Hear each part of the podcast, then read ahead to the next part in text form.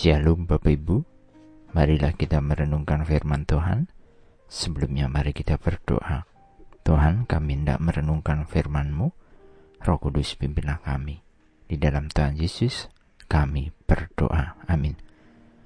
Bacaan saat ini diambil dari bilangan 6 ayat 24 Bilangan 6 ayat 24 Tuhan memberkati engkau dan melindungi engkau Ketika kita membalas jawaban chatting atau jawaban telepon, bahkan ketika kita bertemu dengan teman atau saudara, sering kali kita menutup percakapan dengan kalimat "Tuhan memberkati" atau "Semoga Tuhan memberkati". Kata-kata bacaan ini diajarkan Tuhan kepada Musa untuk berbicara kepada Harun tentang ucapan berkat. Ini bisa kita lihat pada bilangan 6 ayat 22 hingga 26.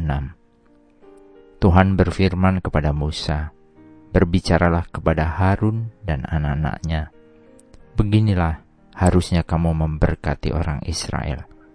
Katakanlah kepada mereka, Tuhan memberkati engkau dan melindungi engkau.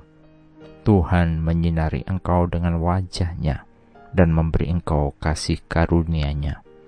Tuhan menghadapkan wajahnya kepadamu dan memberi engkau damai sejahtera. Penekanan pada kalimat ini adalah kepada Tuhan yang memulai berkat. Tuhanlah yang memberkati orang-orang dan melakukan bagi mereka apa yang tidak dapat mereka lakukan untuk diri mereka sendiri. Ketika sebuah berkat dimintakan kepada Tuhan, ini tidak saja berkat umum, tetapi juga berkat perlindungan dan penjagaan Tuhan atas kehidupan kita, bahkan juga pemeliharaan sepanjang waktu kehidupan kita. Kehidupan di dunia ini penuh dengan ancaman musuh yang mengelilingi kehidupan. Tidak saja musuh fisik berupa rupa-rupa kejahatan duniawi, tetapi juga ancaman secara rohani berupa bujuk-bujukan rayu yang menyesatkan perlindungan dan pertolongan Tuhan diperlukan, karena hanya Tuhan yang mampu menguasai kehidupan kita ini. Tuhan senang memberkati umatnya dan telah memberikan banyak janji perlindungan dan kedamaian yang berharga atas semua miliknya.